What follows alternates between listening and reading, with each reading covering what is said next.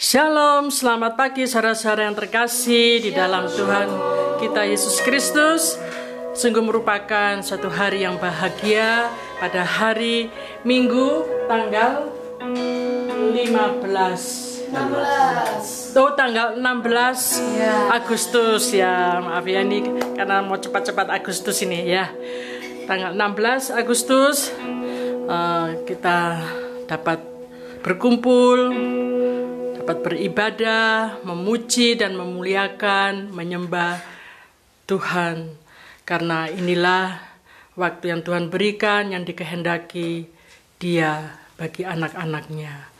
Oleh sebab itu kita angkat satu pujian eh, dalam ibadah ini ku masuki gerbangnya. Saya minta untuk jemaat berdiri.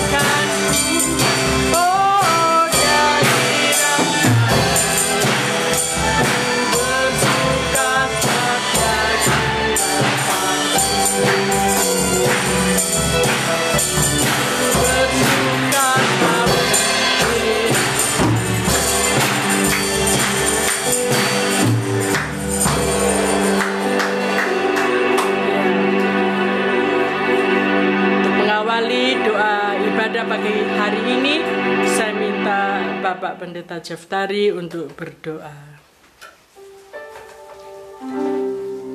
Mari jemaat Tuhan kita masuk dalam ibadah kita melalui doa kita di awal ini. Kita berdoa. Allah kami, Bapa dalam Yesus Kristus, Tuhan dan Roh Kudus, Allah yang Maha Kuasa, Allah yang bertahta di surga dan dengan kuasa dan kasih-Mu ada di tengah kami untuk memberkati, menguduskan, menambahkan pada kami berkat-berkat Tuhan. Maka di pagi hari ini hari yang indah dan mulia kami datang menyembah Tuhan menaikkan nyanyian-nyanyian pujian kemuliaan bagi Tuhan dan doa-doa syafaat kami bahkan mendengarkan akan firman-Mu, kehendak-Mu dibangun dalam hidup kami. Itu terjadi pada ibadah kami pada hari ini. Permulaan, pertengahan hingga pada akhirnya itu terjadi dalam nama Tuhan Yesus Kristus. Kasih karunia Tuhan Allah kami ada di tengah kami. Kami memulai ibadah ini dalam nama Tuhan Yesus Kristus. Haleluya. Amin. Amin. Ya uh, hanya Tuhan yang membuat kita sukacita, kita melimpah, ya uh, dengan penuh kemuliaan dan kasih sayangnya. Oleh sebab itu kita angkat satu pujian lagi Sungai Sukacitamu.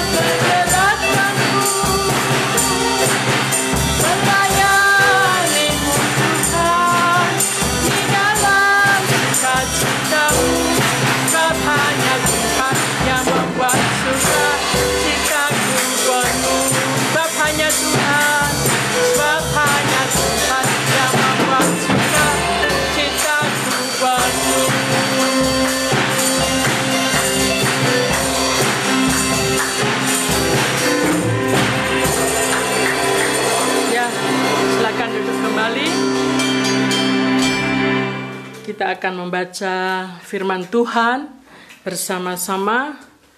Yang terambil dari kitab Ratapan pasal 3 ayat 1 hingga 66.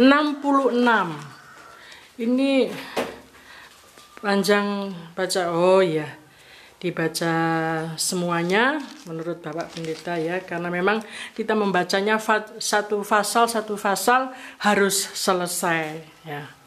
Jadi kita akan membacanya bersama-sama dalam kitab ratapan pasal 3 ayat 1 hingga 66 ya.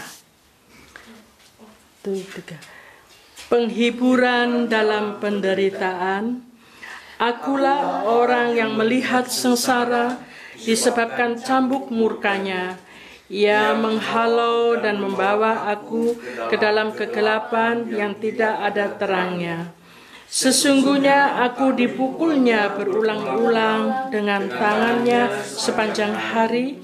Ia menyusutkan dagingku dan kulitku, tulang-tulangku dipatahkannya. Ia mendirikan tembok sekelilingku, mengelilingi aku dengan kesedihan dan kesusahan. Ia menempatkan aku di dalam gelap seperti orang yang sudah lama mati. Ia menutup segala jalan keluar bagiku. Ia mengikat aku dengan rantai yang berat. Walaupun aku memanggil-manggil dan berteriak minta tolong, tak didengarkannya doaku. Ia merintangi jalan-jalanku dengan batu pahat dan menjadikannya tidak terlalui. Laksana beruang ia menghadang aku, laksana singa dalam tempat persembunyian. Ia membelokkan jalan-jalanku, merobek-robek aku, dan membuat aku tertegun. Ia membidikkan panahnya, menjadikan aku sasaran anak panah. Ia menyusupkan ke dalam hatiku segala anak panah dari tabungnya.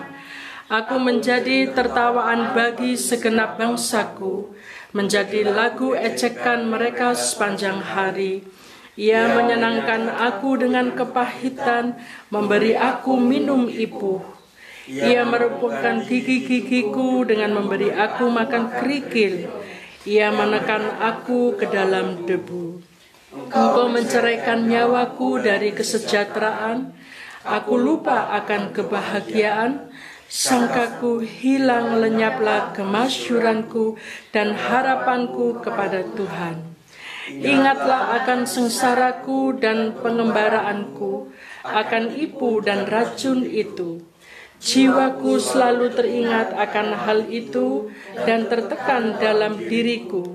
Tetapi hal-hal inilah yang kuperhatikan, oleh sebab itu aku akan berharap tak berkesudahan kasih setia Tuhan, tak habis-habisnya rahmatnya, selalu baru tiap pagi besar kesetiaanmu.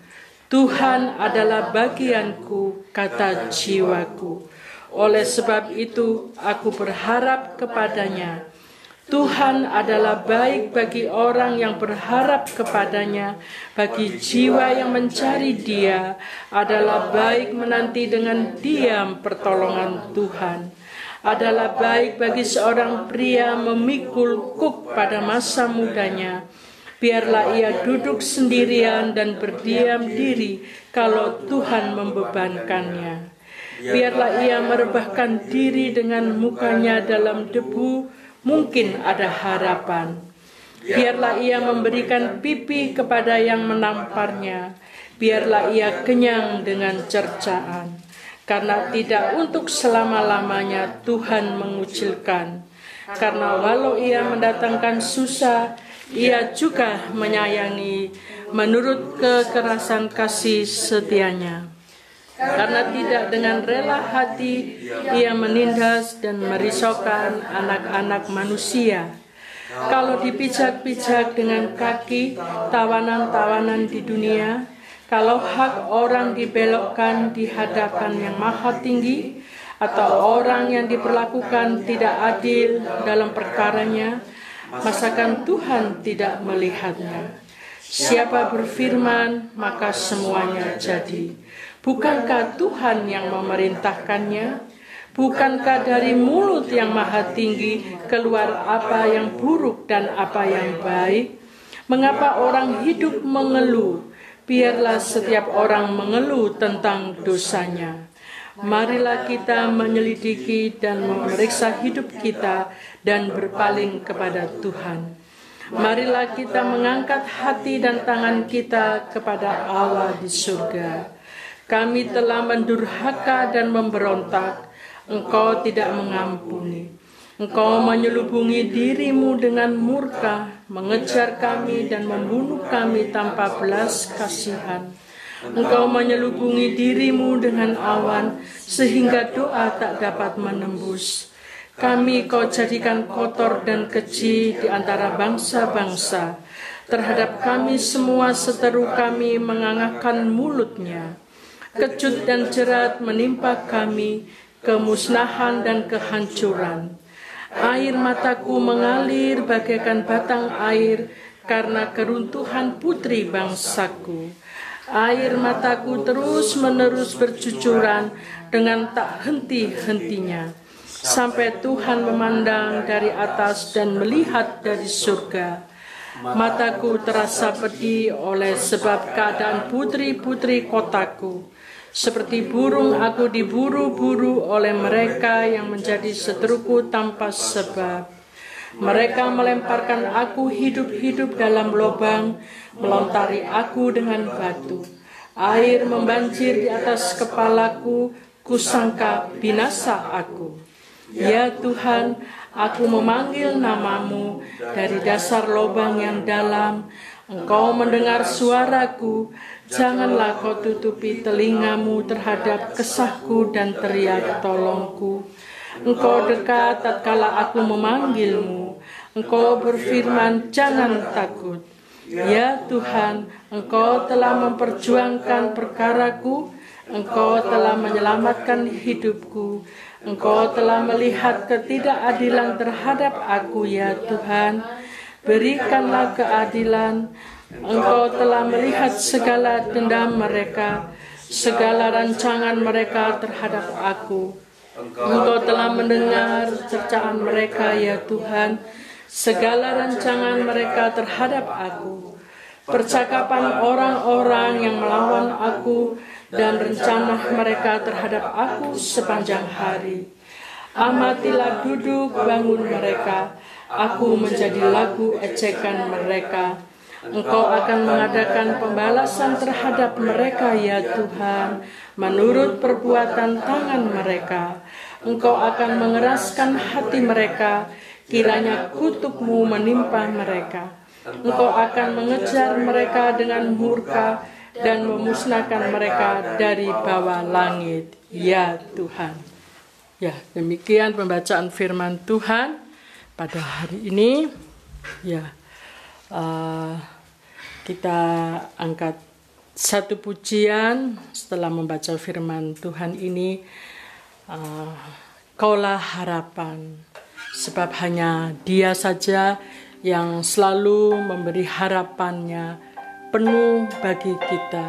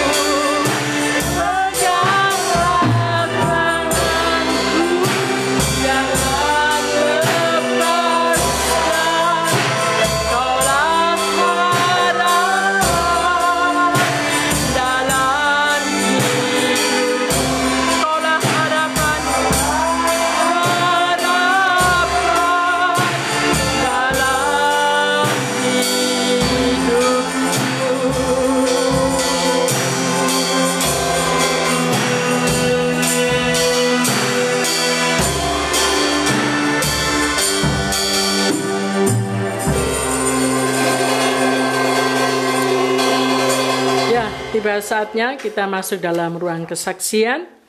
Mungkin di antara saudara-saudara yang ingin meng, uh, bersaksi tentang kasih setia Tuhan dalam kehidupan kita. Ya, kalau tidak ada, kita langsung menyiapkan hati kita untuk mendengarkan firman Tuhan yang akan disampaikan oleh hambanya. Sebelum kita mendengarkan firman Tuhan, kita angkat satu pujian, yaitu jadikan aku indah.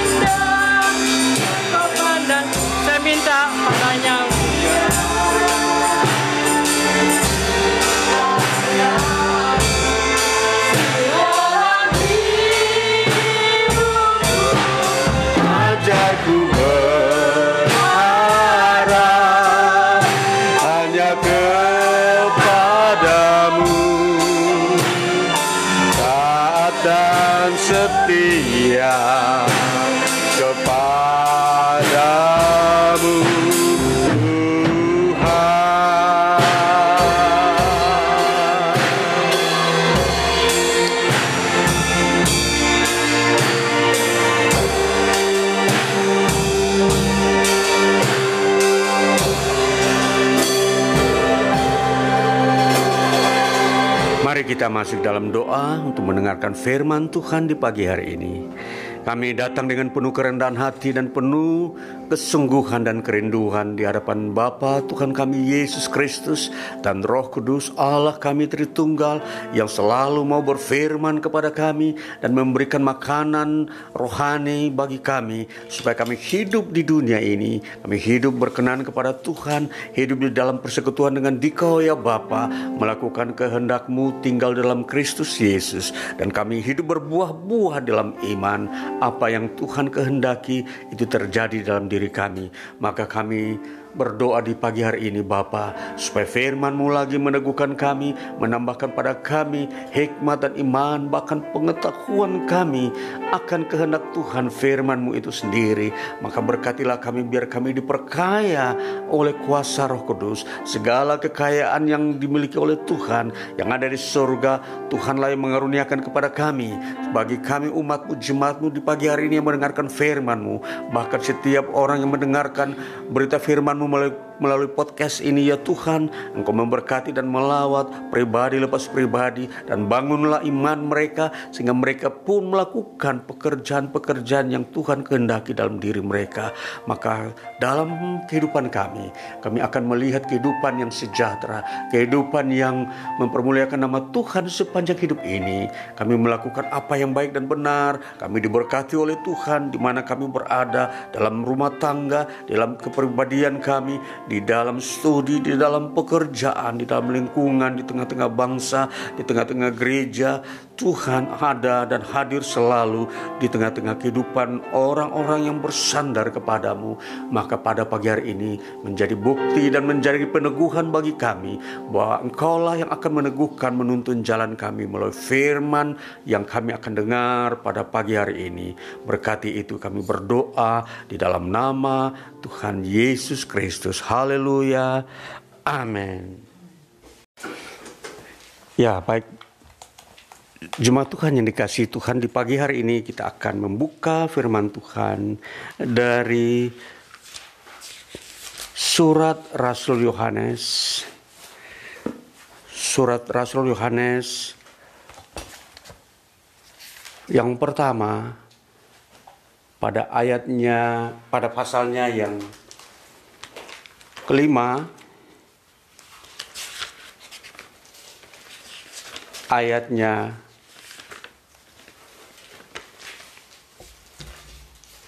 yang ke-16 hingga ayatnya yang ke-18. Surat Rasul Yohanes yang pertama pada pasal yang kelima ayat 16 hingga ayat 18. Bunyi firman Tuhan seperti ini. Kalau ada seorang melihat saudaranya berbuat dosa, yaitu dosa yang tidak mendatangkan maut, hendaklah ia berdoa kepada Allah dan dia akan memberikan hidup kepadanya yaitu mereka yang berbuat dosa yang tidak mendatangkan maut. Ada dosa yang mendatangkan maut. Tentang itu tidak kukatakan bahwa ia harus berdoa. Semua kejahatan adalah dosa, tetapi ada dosa yang tidak mendatangkan maut. Kita tahu bahwa setiap orang yang lahir dari Allah tidak berbuat dosa, tetapi dia yang lahir dari Allah melindunginya dan si jahat tidak dapat menjamahnya. Demikian firman Tuhan bagi kita di pagi hari ini. Saudara yang kekasih dalam Tuhan, di pagi hari ini kita akan merenungkan firman Tuhan ini di bawah tema konsep Alkitab tentang dosa. Inilah yang kita akan mau melihat tema ini atau kita uh, buat sebuah kalimat yang lebih uh, populer dikatakan seperti ini temanya konsep dosa menurut iman Kristen.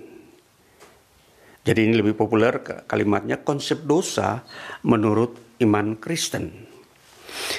Seperti yang kita sudah lihat dasar dari pembacaan firman Tuhan dari surat 1 Yohanes pasalnya yang kelima ayat 16 tadi hingga 18 di situ tertulis dan ada sebutan dari Rasul Yohanes bahwa ada dosa yang mendatangkan maut dan ada dosa yang tidak mendatangkan maut. Kita mempelajari konteks dan konsep daripada Rasul Yohanes ini yang menyebutkan ada dosa yang mendatangkan maut dan ada dosa yang tidak mendatangkan maut. Kita mau melihat latar belakang daripada perkataan Rasul Yohanes ini. Latar belakang daripada ayat ini itu terdapat di dalam 1 Yohanes pasal 3 ayat 6a. Kita membacanya dulu. 1 Yohanes pasal 3 ayat 6a bunyinya begini. Karena itu setiap orang yang tetap di dalam dia tidak berbuat dosa lagi. Kemudian ayat yang berikutnya di dalam ayat yang ke-9 dikatakan setiap orang yang lahir dari Allah tidak berbuat dosa lagi sebab benih ilahi tetap ada di dalam dia dan ia tidak dapat berbuat dosa karena ia lahir dari Allah. Ini ayat ini adalah latar belakang yang menjelaskan bahwa ada dosa yang tidak mendatangkan maut. Nah, jadi kita mau melihat bahwa kita mau mengerti tentang dosa yang Rasul Yohanes ajarkan tentang dosa yang tidak mendatangkan maut. Di dalam seluruh catatan perjanjian baru, di mana Rasul Paulus, Rasul Petrus, Rasul Yakobus, Rasul Yudas, mereka mencatat tentang dosa. Dan dosa bahkan di dalam uh, catatan Injil baik Markus maupun Lukas, dosa itu adalah perbuatan-perbuatan yang ada di dalam tiga dimensi.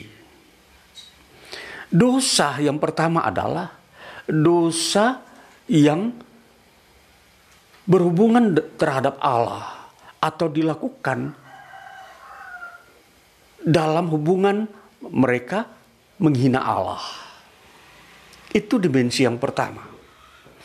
Di dalam catatan-catatan seperti di dalam kitab Galatia pasal 5 di situ di situ ayat 19 sampai 21 mencatat tentang dosa dosa yang ada dalam tiga dimensi tadi. Di dalam Galatia pasal yang kelima kita buka dulu. Galatia pasal 5 untuk kita melihat catatan dosa yang ada di dalam tiga dimensi tadi. Galatia 5 ayat 19 sampai 21 menyebutkan seperti ini. Perbuatan daging telah nyata, yaitu percabulan, kecemaran, hawa nafsu, penyembahan berhala, perseteruan, perselisihan, iri hati, amarah, kepentingan diri sendiri, percitraan, roh pemecah, kedengkian, kemabukan, pesta pora, dan sebagainya. Nah, Dikatakan ada uh, unsur-unsur uh, ini sebenarnya kalau kita mau bagikan itu ada ada dalam tiga kelompok atau boleh kata kita sebutkan tadi tadi tiga dimensi seperti berdosa terhadap Allah do, atau perbuatan dosa yang uh, menghina Allah ialah dikatakan di sini adalah penyembahan berhala dan sihir itu di dalam ayat 20 Sebab penyembahan berhala dan sihir adalah sebuah uh, perbuatan dosa manusia yang menggunakan kuasa atau kekuatan iblis untuk uh, ada di dalam kehidupan manusia. Jadi ini dosa yang ada dalam dimensi uh, lingkungan kealahan. Lalu ada dosa yang ada dalam lingkungan sesama manusia. Di sini antara lain uh, dikatakan um, kedengkian, percederaan, roh pemecah, iri hati, perselisihan, perseteruan itu ayat 20 di situ dan amarah. Itu ada dalam lingkungan dosa terhadap sesama manusia. Jadi kategori-kategori ini pembagian ini supaya kita bisa uh, tahu uh, arah-arah dosa yang dilakukan oleh manusia. Lalu yang ketiga, dosa terhadap diri sendiri. Di, di dalamnya tertulis ada kata percabulan, kecemaran, dan hawa nafsu. Nah ini uh, bahkan di situ ada kemabukan. Nah, ini itu dosa terhadap diri sendiri. Artinya dirinya orang yang melakukan dosa itu dia uh, menyalahi dirinya sendiri sendiri. Artinya membuat dirinya uh, ada di dalam sebuah kesalahan. Ya. Jadi di sini kita sudah melihat pembagian-pembagian ini. Jadi dosa di sini kita mau melihat uh, perbuatan-perbuatan yang tidak sesuai dengan kehendak Allah dalam sebuah atau pemakaian kata uh, mengenai dosa dalam bahasa Yunani memakai kata hamartia. Hamartia itu artinya sesuatu sikap dan perbuatan manusia yang tidak mengenai sasaran. Nah, sasarannya ialah firman Allah yang tidak sesuai dengan kehendak Allah. Itulah dosa. Nah, dalam catatan-catatan bahwa dosa-dosa yang manusia, perbuat ini itu mendatangkan hukuman. Ya, mendatangkan hukuman. Jadi Allah menghukum semua perbuatan dosa-dosa manusia ini. Namun kita mau melihat bahwa penghukuman-penghukuman yang Allah berikan itu ada dua jenis atau dua uh, uh, apa namanya dimensi. Satu dimensi kekekalan, yaitu di neraka, dan yang kedua adalah di dimensi kekenian, yaitu di dunia. Nah, jadi di dalam uh, Allah memberikan penghukuman sesuai dengan dosa yang dilakukan oleh manusia. Nah, mana kita mau melihat dosa yang akan berhubungan dengan kekekalan di neraka dan mana dosa yang Allah uh, hukum ketika ada di dunia ini. Nah, kita mau memperhatikan uh, langkah-langkah yang Rasul Yohanes sebutkan bahwa dikatakan karena itu setiap orang yang tetap di dalam dia tidak berbuat dosa lagi. Ini Yohanes mau menjelaskan kepada orang-orang yang percaya kepada Yesus Kristus mengenai manusia diselamatkan dari dosa. Manusia yang percaya kepada Yesus Kristus, mereka ditempatkan dalam suatu lingkungan yang di situ tidak ada dosa. Nah, apakah ini yang kita mau memperhatikan? Uh, apakah uh, lingkungan ini. Jadi lingkungan di sini yang kita mau lihat dalam ayat yang ke-9 dikatakan setiap orang yang lahir dari Allah tidak berbuat dosa lagi sebab benih ilahi tetap ada di dalam dia dan ia tidak dapat berbuat dosa karena ia lahir dari Allah. Lingkungan apa yang ada di sini? yaitu lingkungan benih ilahi.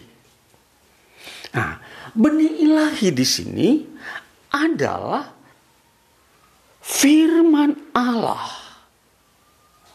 Nah, jadi kita mau lihat uh, sungguh uh, Tuhan membuat sebuah lingkungan yang membuat orang yang percaya kepada Yesus Kristus tidak berbuat dosa lagi, yaitu Tuhan menaruh mereka dalam satu lingkungan yang disebut firman Allah.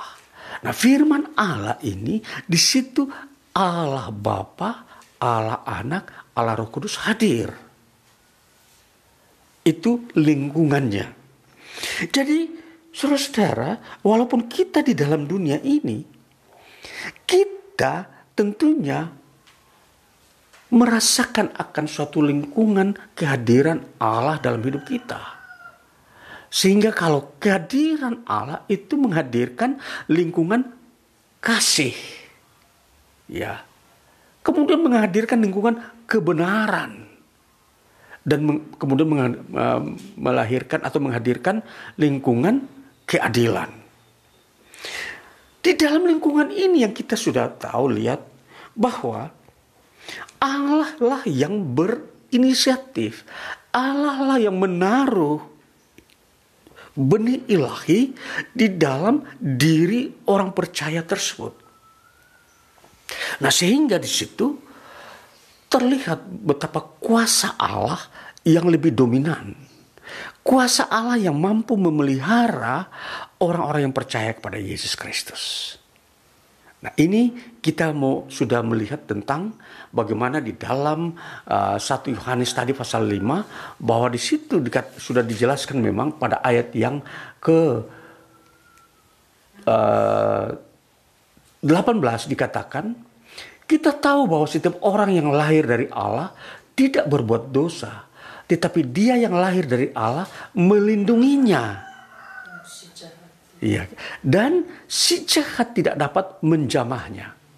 Nah, itulah sebabnya firman Tuhan yang bunyinya seperti ini itu memperlihatkan kepada kita bahwa Allah itu melindungi kita sebagai umat hasil tebusannya.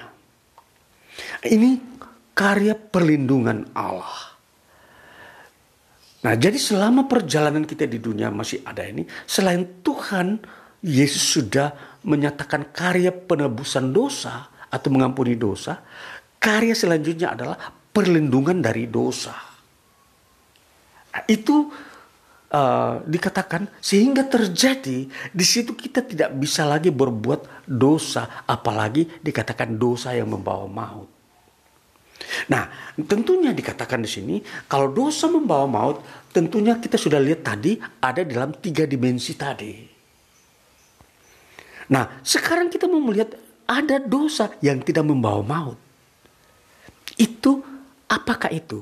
Apakah itu dosa yang uh, seperti apakah itu yang wujudnya yang ada di dalam kehidupan orang percaya?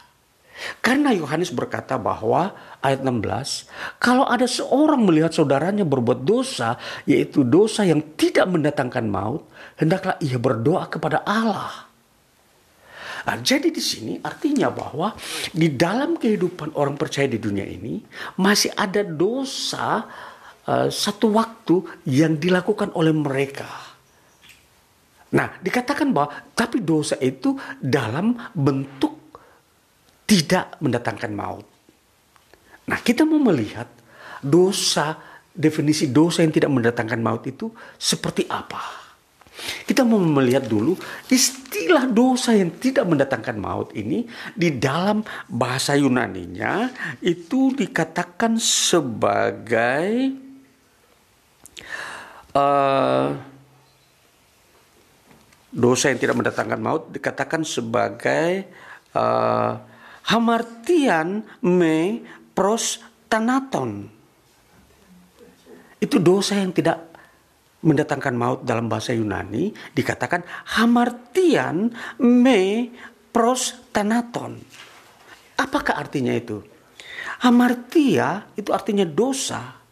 Me itu yang tidak. Pros itu mendatangkan. Tanaton itu maut atau kematian rohani. Nah, jadi ini dosa yang tidak mendatangkan kematian rohani. Itulah dosa yang tidak mendatangkan maut. Jadi apakah yang kita mau melihat uh, dosa seperti apa yang memang kita perlu uh, kaji melihat lingkungan latar belakang uh, situasi dunia sehingga uh, membawa dampak kepada dosa orang-orang percaya di dunia yang tidak mendatangkan maut. Nah, kalau kita mau melihat bahwa dosa yang tidak mendatangkan maut itu ada di dalam lingkungan emosional. Emosi manusia bahkan bisa bisa terjadi dalam uh, suatu uh, uh, sikap atau perbuatan yang memang mirip dengan sebuah dosa. Contoh, Tuhan Yesus berkata begini, hendaklah kamu licik seperti ular Nah, licik seperti ular ini memang uh, tidaklah uh, apa namanya mudah kita uh, mengukur kelicikan seperti ular itu seperti apa.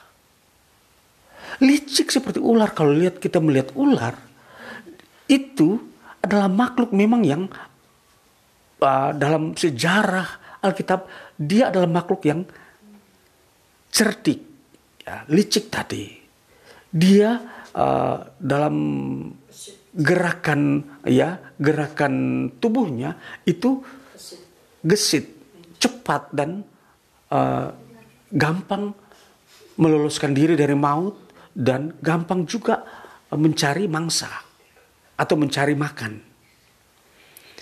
Nah, dia adalah makhluk yang kreatif dan aktif. Ya kreatif itu artinya dia bisa mencari uh, posisi-posisi uh, yang uh, menguntungkan dia untuk bisa hidup di dalam lingkungan yang yang begitu sukar. Nah ini kita mempelajari. Jadi di sini kita melihat bahwa seolah-olah dalam pemandangan uh, akal manusia di sini bahwa sikap-sikap atau uh, langkah-langkah yang dilakukan itu sering kali uh, non, menonjol dan menghasilkan yang yang lebih lebih uh, produktif ya, lebih uh, berkualitas. Nah, dalam semua ini tentunya ada menghasilkan sebuah kondisi perasaan-perasaan yang yang uh, tidak seimbang yang mengakibatkan ada sebuah emosi yang muncul. Ini lingkungan dosa yang tidak membawa maut. Contoh kalau kita mau melihat dalam lingkungan pekerjaan, ada orang yang uh, pandai cerdas, rajin di sebuah kantor atau perusahaan atau di sebuah apa saja lembaga pekerjaan. Orang itu mungkin masih muda tapi dia pandai di ditampilkan ditonjolkan untuk bekerja. Dia bekerja dengan baik berhasil. Lalu tiba-tiba di situ uh, muncul iri hati atau orang orang lain tidak uh, apa namanya tidak menerima kondisi seperti itu. Nah, ini ini sikap karena produktif, karena cerdas mengakibatkan orang lain tersingkirkan. Nah ini bahasa orang lain, orang bilang dia telah melangkahi uh, uh, jabatan-jabatan atau uh, prosedur-prosedur yang harus dilewati. Dia masih muda tapi tak tahu dia sudah posisinya manajer. Padahal itu harus dimiliki oleh orang yang sudah uh, lama dalam sebuah pekerjaan. Nah, inilah yang sering kali uh, menimbulkan dosa-dosa yang yang ada di dalam emosi atau perasaan manusia. Nah, itulah sebabnya lingkungan ini kita harus pahami. Kita harus pelajari dengan benar. Sehingga kita pun sadari bahwa apa yang kita lakukan ini bukanlah dosa yang membawa maut. Ya tentunya orang lain berkata, ya dia telah menyakiti dengan kehadirannya dia dia mengakibatkan orang lain tersakiti atau eh, tersingkirkan. Jadi itu uh, membuat suatu penilaian-penilaian yang uh, mengarah kepada keberdosaan.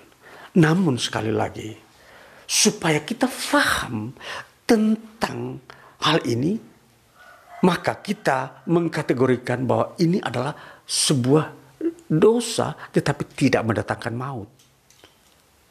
Kenapa? Sekali lagi, itu tidak melukai dan merusak dirinya. Karena dosa, tujuan daripada dosa adalah merusak struktur kehidupan manusia, baik secara pribadi maupun secara sosial maupun dengan Allah. Ini kehidupan-kehidupan yang merusak komunikasi. Itu baru disebut dosa yang menghancurkan, merugikan. Tetapi karena manusia di dunia ini tidak semua memiliki kemampuan yang sama. Seringkali orang yang mampu itu, mereka orang yang selalu produktif menjadi tempat orang uh, uh, melampiaskan emosinya bahwa dia melangkahi kehidupan baik sosial maupun lingkungan ekonomi. Nah inilah yang memang sukar kita uh, kita rumuskan, tapi kita harus berusaha untuk menilai dan melihat bahwa memang di sekitar ini uh, ada dosa-dosa seperti itu. Di sekitar kehidupan lingkungan kita bekerja, dosa seperti itu ada. Tetapi berbeda kalau kita melakukan sebuah kecurangan, maka itu dosa yang merugikan oleh, uh, orang lain.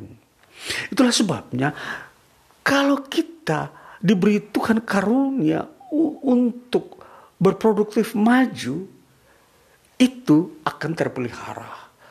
Karena tidak mendatangkan dosa. Dan kalau ada orang menganggap itu dosa, itu sebagai dosa yang tidak mendatangkan maut. Karena ada orang merasa ya dirugikan secara status. Dia bukan berarti dia dirugikan dalam pengertian total, tapi maksudnya seharusnya dia menduduki sebuah jabatan, tetapi di, dilangkai oleh orang yang yang diberkati Tuhan ini, yang rajin, yang produktif, yang uh, mengerti uh, semua bentuk-bentuk kerja yang lebih baik. Jadi dia meningkatkan dirinya supaya kualitasnya lebih tinggi daripada orang lain, itu tidak salah. Nah, sehingga kalau terjadi seperti itu, dia uh, adalah orang yang tetap di dalam pemandangan benar. Ya, jadi inilah yang uh, ukuran-ukuran uh, yang kita definisikan. Karena memang dosa yang tidak mendatangkan maut tidak tertuliskan di dalam Alkitab. Hanya dosa yang mendatangkan maut.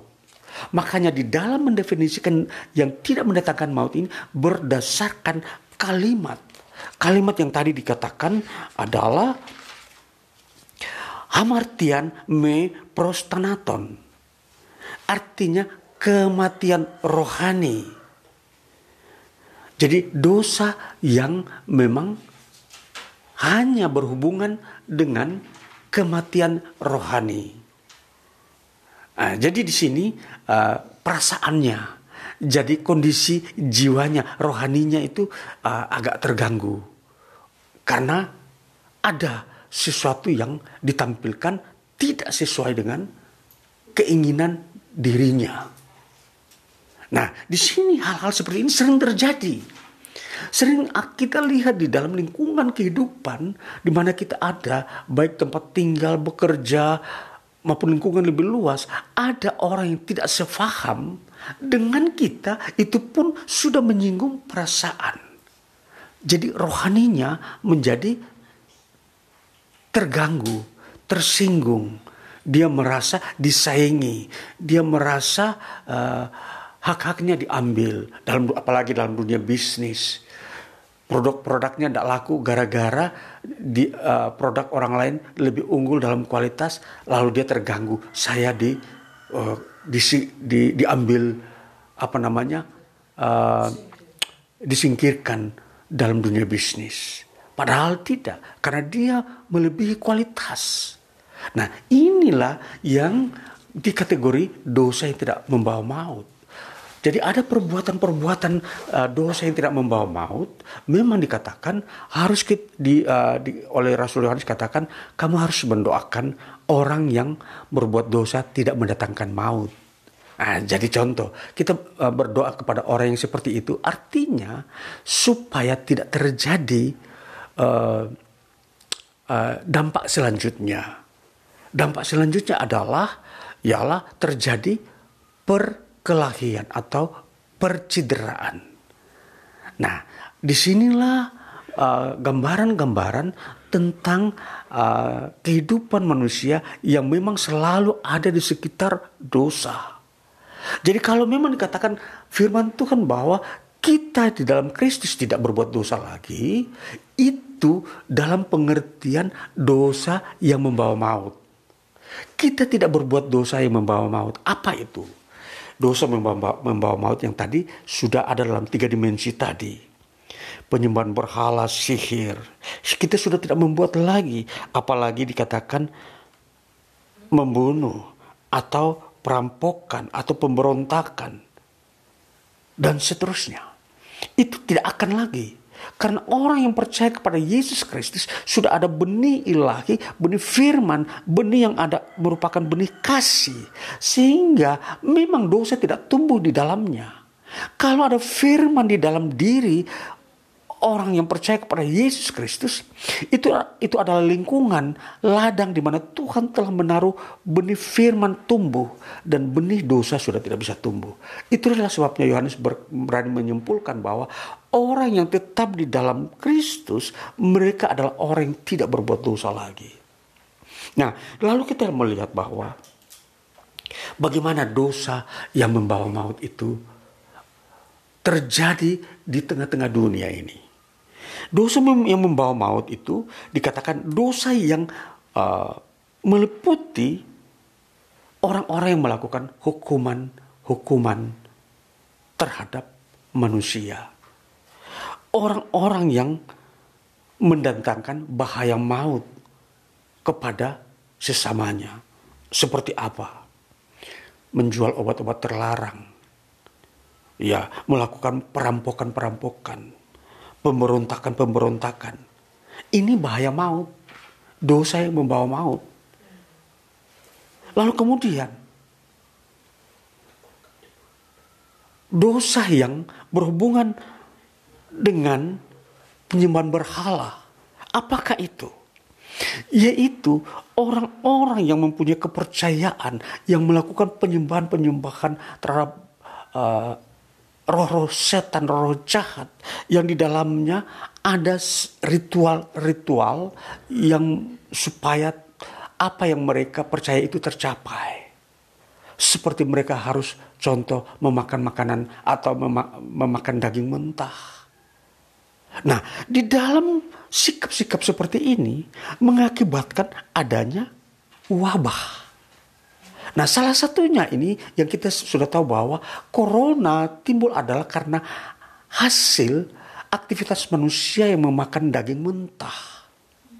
Nah, dalam aktivitas ini tentunya kita tahu kenapa manusia memakan daging mentah tentunya ada hubungan dengan sebuah kepercayaan. Kepercayaan yang mengatakan bisa saja dengan makan makanan mentah, daging mentah akan membuat tubuh lebih sehat ataukah lebih kuat dan seterusnya. Dan masih ada kepercayaan-kepercayaan yang lain. Nah ini berhubungan dengan penyembahan berhala. Nah itulah sebabnya dikatakan bahwa dosa-dosa yang ada di dunia ini semuanya mendatangkan maut. Tetapi ketika kita dalam Kristus Yesus, dosa yang mendatangkan maut, kita tidak melakukannya lagi. Dan kemudian tentunya disebutkan lagi masih ada dosa yang tidak mendatangkan maut karena kita masih tinggal dalam dunia ini.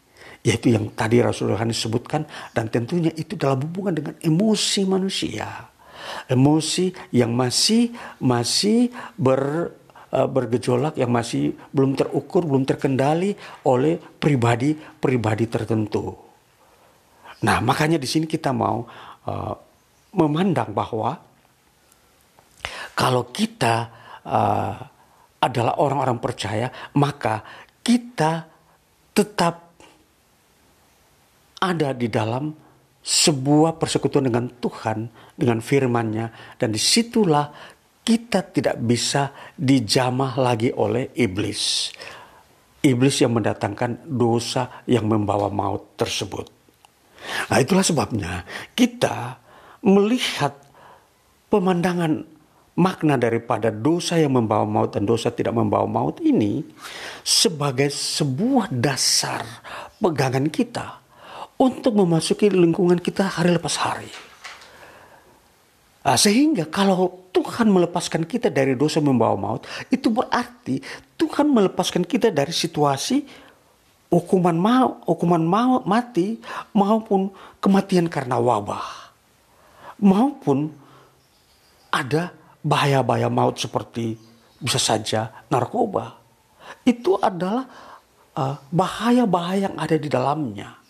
Bisa saja kemabukan, mabuk dengan berbagai-bagai uh, minuman keras yang berlebihan, itu pun bahaya maut di dalamnya. Tuhan melar atau men, uh, menjaga kita sehingga kita tidak terjerumus ke dalam gaya hidup kemabukan itu. Nah, seterusnya sampai kepada pemberontakan, yaitu mencuri dengan uh, uh, besar-besaran dengan uh, merampok katakan zamannya merampok bank, itu semua adalah perbuatan yang membawa maut. Nah, dosa-dosa yang membawa maut inilah kita sudah mengerti sehingga kita tidak lagi dibodohi oleh orang-orang yang mau uh, mengajak kita melakukan dosa-dosa yang membawa maut. Dan karena kita tinggal dalam Kristus, Tuhan memberkati kita, hidup kita, sehingga kita tetap terpelihara di dunia ini dengan segala berkat Tuhan. Sehingga dosa pun tidak menjadi suatu uh, uh, daya tarik yang menjerumuskan kita hidup di dalam dosa. Maka inilah yang kita uh, memasuki kehidupan kita, mengenal dosa yang membawa maut dan dosa yang tidak membawa maut. Tuhan Yesus memberkati kita dengan firman-Nya dan kita masuk hari-hari hidup kita dengan kebenaran firman Tuhan.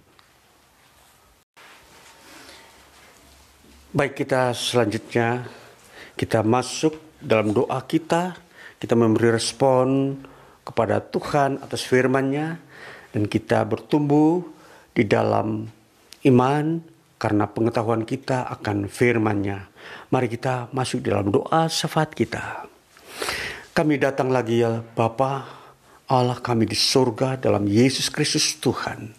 Kami bersyukur karena firman Tuhan bertumbuh dalam kami. Pengetahuan dan pengenalan kami tentang firman-Mu, khususnya tentang uh, pengetahuan tentang dosa, di mana Rasul Yohanes menggambarkan kepada umat Tuhan bahwa ada dosa yang membawa maut, ada dosa yang tidak mendatangkan maut. Di sini kami mengerti bahwa dosa yang membawa, ya, membawa maut adalah perbuatan-perbuatan yang melawan Allah dan merusak manusia dan merusak diri sendiri.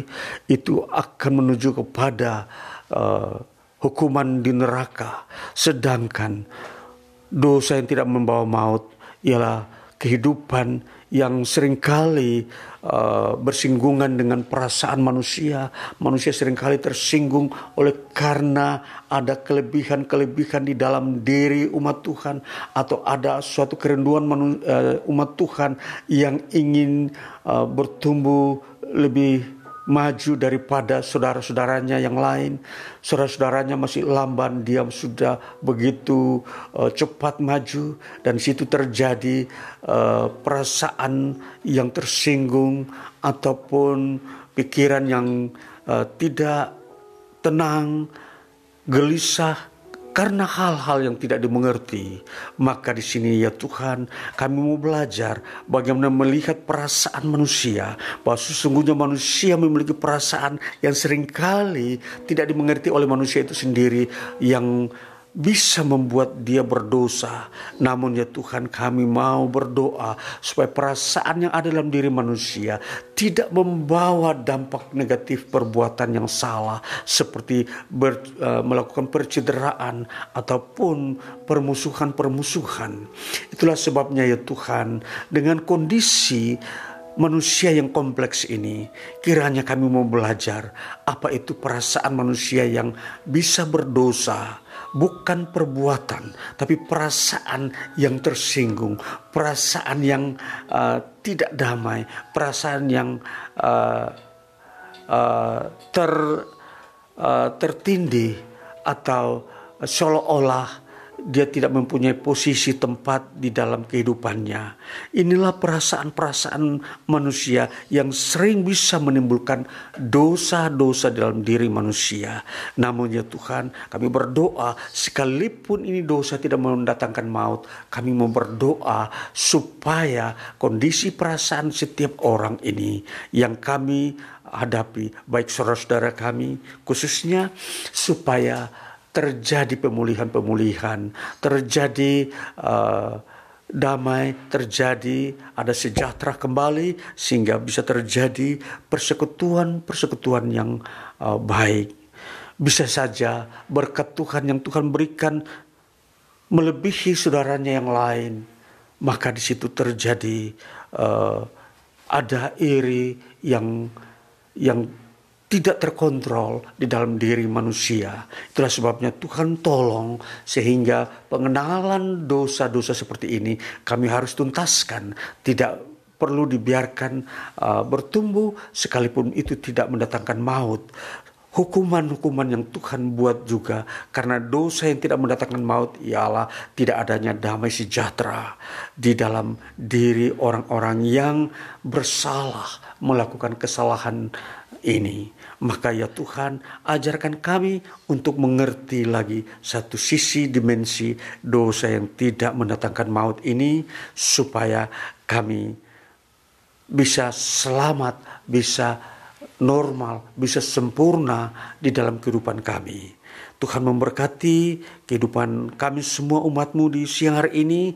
Kami akan masuk di dalam kehidupan kami selanjutnya. Berkati dalam minggu depan ini dalam aktivitas kami, kerja pekerjaan di rumah, di kantor, di ladang, di perusahaan, sebagai pegawai negeri pensiunan maupun karyawan swasta. Tuhan memberkati setiap jemaatmu, bahkan setiap keluarga pribadi masa studi kuliah semua anak-anakmu Tuhan berkati. Bahkan cucu yang ada Tuhan memberkati. Semua usaha yang dikerjakan tangan mereka Tuhan berkati. Situ ada damai sejahtera ada belas kasihan ada pengampunan pengampunan yang selalu Tuhan berikan.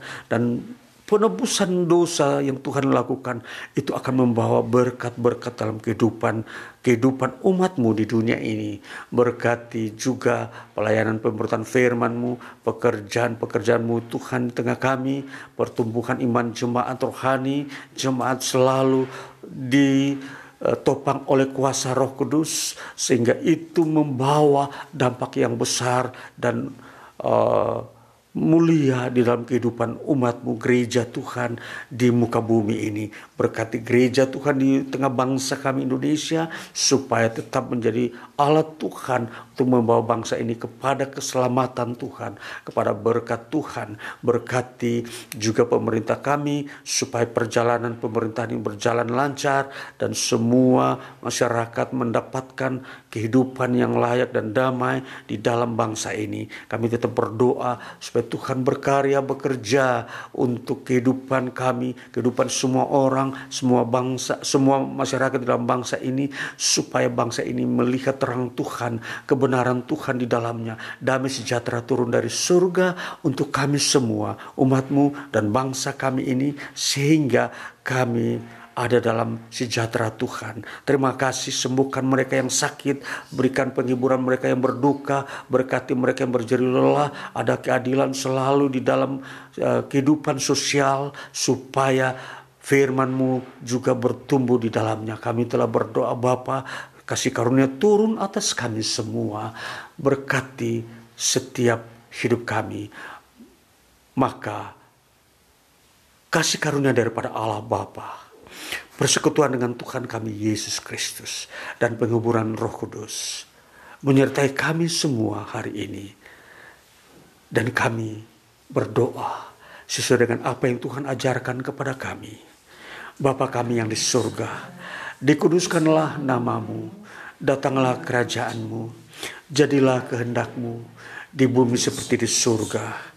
Berikanlah kami pada hari ini makanan kami yang secukupnya, dan ampunilah kami akan kesalahan kami, seperti kami juga mengampuni orang yang bersalah kepada kami, dan janganlah membawa kami ke dalam pencobaan, tetapi lepaskanlah kami daripada yang jahat, karena Engkau yang punya kerajaan, kuasa, dan kemuliaan sampai selama-lamanya. Terima kasih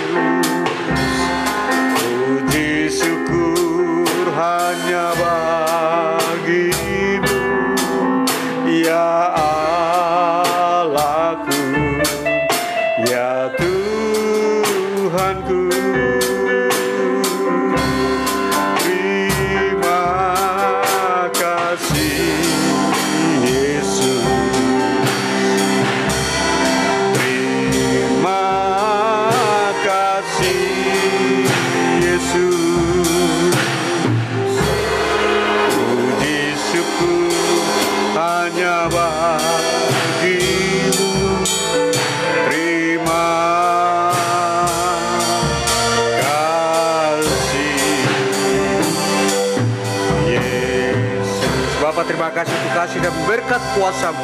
Dalam nama Tuhan Yesus kami berdoa. Amin